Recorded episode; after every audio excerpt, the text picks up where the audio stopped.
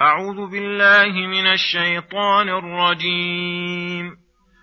قل هل تربصون بنا إلا إحدى الحسنيين ونحن نتربص بكم أن يصيبكم الله بعذاب من عنده أو بأيدينا فتربصوا إنا معكم متربصون.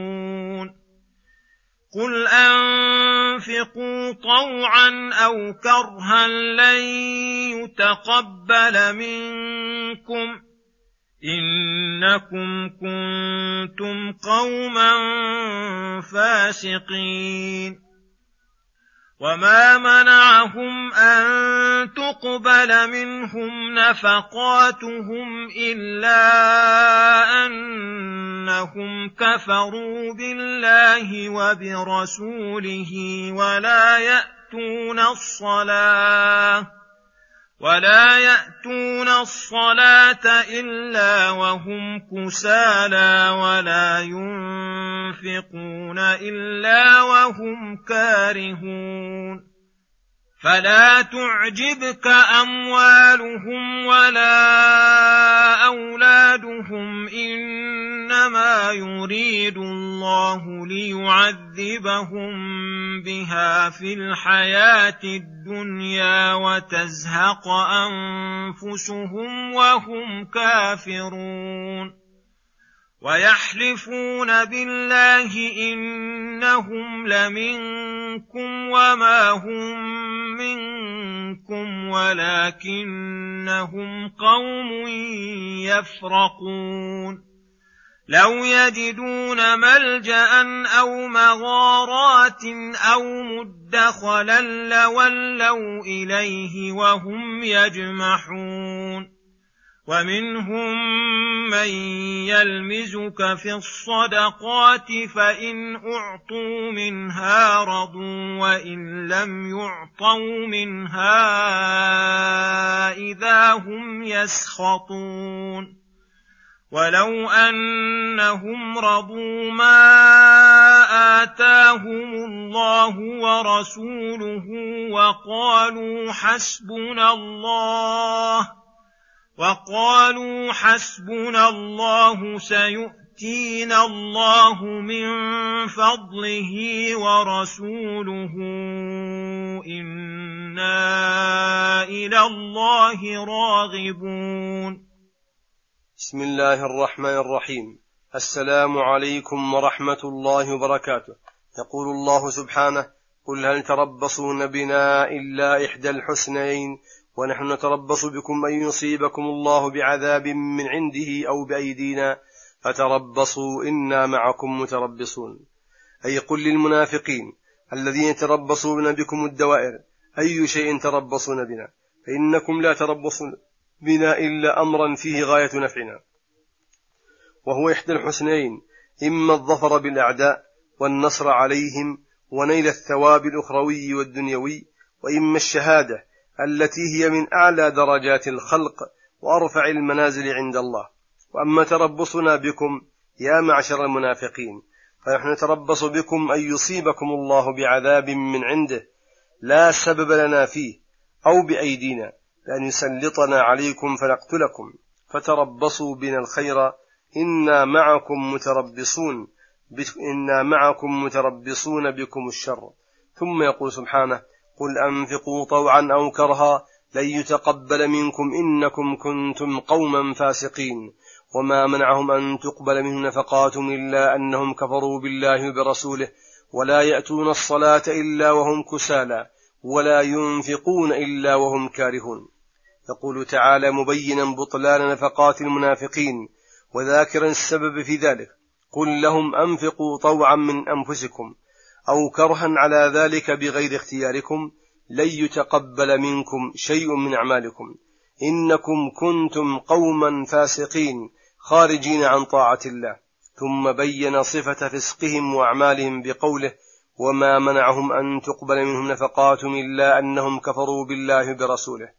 والأعمال كلها شرط قبولها الإيمان فهؤلاء لا إيمان لهم ولا عمل صالح حتى إن الصلاة التي هي أفضل أعمال البدن إذا قاموا إليها قاموا كسالى وقد بين الله ذلك فقال ولا يأتون الصلاة إلا وهم كسالى أي متثاقلون لا يكادون يفعلونها من ثقلها عليهم. ولا ينفقون إلا وهم كارهون من غير انشراح صدر وثبات نفس ففي هذا غاية الذم لمن فعل مثل فعلهم.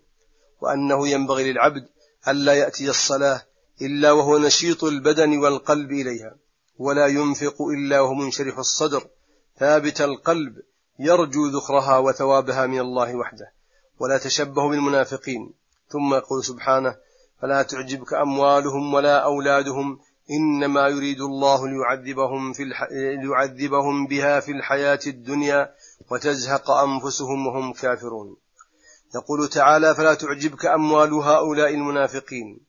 ولا أولادهم فإنه لا غبطة فيها وأول بركاتها عليهم أن قدموها على مراضي ربهم وعصوا الله لأجلها إنما يريد الله ليعذبهم بها في الحياة الدنيا. والمراد بالعذاب هنا ما ينالهم من المشقة في تحصيلها والسعي الشديد في ذلك وهم القلب فيها وتعب البدن. فلو قابلت لذاتهم فيها بمشقاتهم لم يكن لها نسبة إليها. فهي لما ألهتم عن الله وذكره صارت وبالا عليهم حتى في الدنيا ومن وبالها العظيم الخطر أن قلوبهم تتعلق بها وإرادتهم لا تتعداها فتكون منتهى مطلوبهم وغاية مرغوبهم ولا يبقى في قلوبهم الآخرة نصيب فيوجب ذلك أن ينتقلوا من الدنيا وتزهق أنفسهم وهم كافرون فأي عقوبة أعظم من هذه العقوبة الموجبة للشقاء الدائم والحسرة الملازمة. ويحلفون بالله إنهم لمنكم وما هم منكم ولكنهم قصدهم في حلفهم هذا أنهم قوم يفرقون أي يخافون الدوائر وليس في قلوبهم شجاعة تحملهم على أن يبينوا أحوالهم. فيخافون أن يظهروا حالهم منكم ويخافون أن تتبرأوا منهم فيتخطفهم الناس من كل جانب.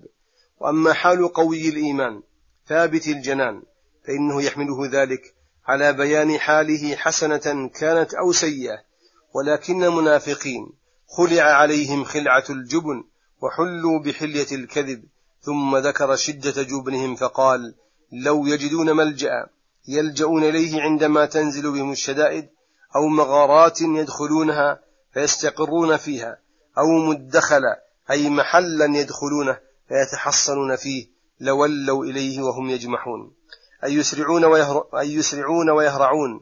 ليس لهم ملكة يقتدرون بها على الثبات. ثم يقول سبحانه منهم من يلمزك في الصدقات إن أعطوا منها رضوا وإن لم يعطوا منها إذا هم يسخطون. ولو أنهم رضوا ما آتاهم الله ورسوله فقالوا حسبنا الله سيؤتينا الله من فضله ورسوله. إنا إلى الله راغبون. أي أيوة من هؤلاء المنافقين من يعيبك في قسمة الصدقات وينتقد عليك فيها. وليس انتقادهم فيها وعيبهم لقصد صحيح ولا لرأي رجيح وإنما مقصودهم وإنما مقصودهم أن يعطوا منها أن يعطوا منها فإن يعطوا منها رضوا وإن لم يعطوا منها إذا هم يسخطون. وهذه حالة لا ينبغي للعبد أن يكون رضاه وغضبه تابعا لهوى نفسه الدنيوي وغرضه الفاسد. بل الذي ينبغي أن يكون مرضاة ربه كما قال النبي صلى الله عليه وسلم لا يؤمن أحدكم حتى يكون هواه تبعا لما جئت به. وقال هنا ولو أنهم رضوا ما آتاهم الله ورسوله أي أعطاهم من قليل وكثير وقالوا حسبنا الله أي كافينا الله فنرضى بما قسمه لنا وليؤملوا فضله وإحسانه إليهم بأن يقولوا سيؤتينا الله من فضله ورسوله إنا إلى الله راغبون أي متضرعون في جلب منافعنا ودفع مضارنا. ثم بين تعالى كيفية قسمة الصدقات الواجبة فقال إنما الصدقات إلى قوله عليم حكيم وصلى الله وسلم على نبينا محمد وعلى آله وصحبه أجمعين. وإلى الحلقة القادمة غدا إن شاء الله. والسلام عليكم ورحمة الله وبركاته.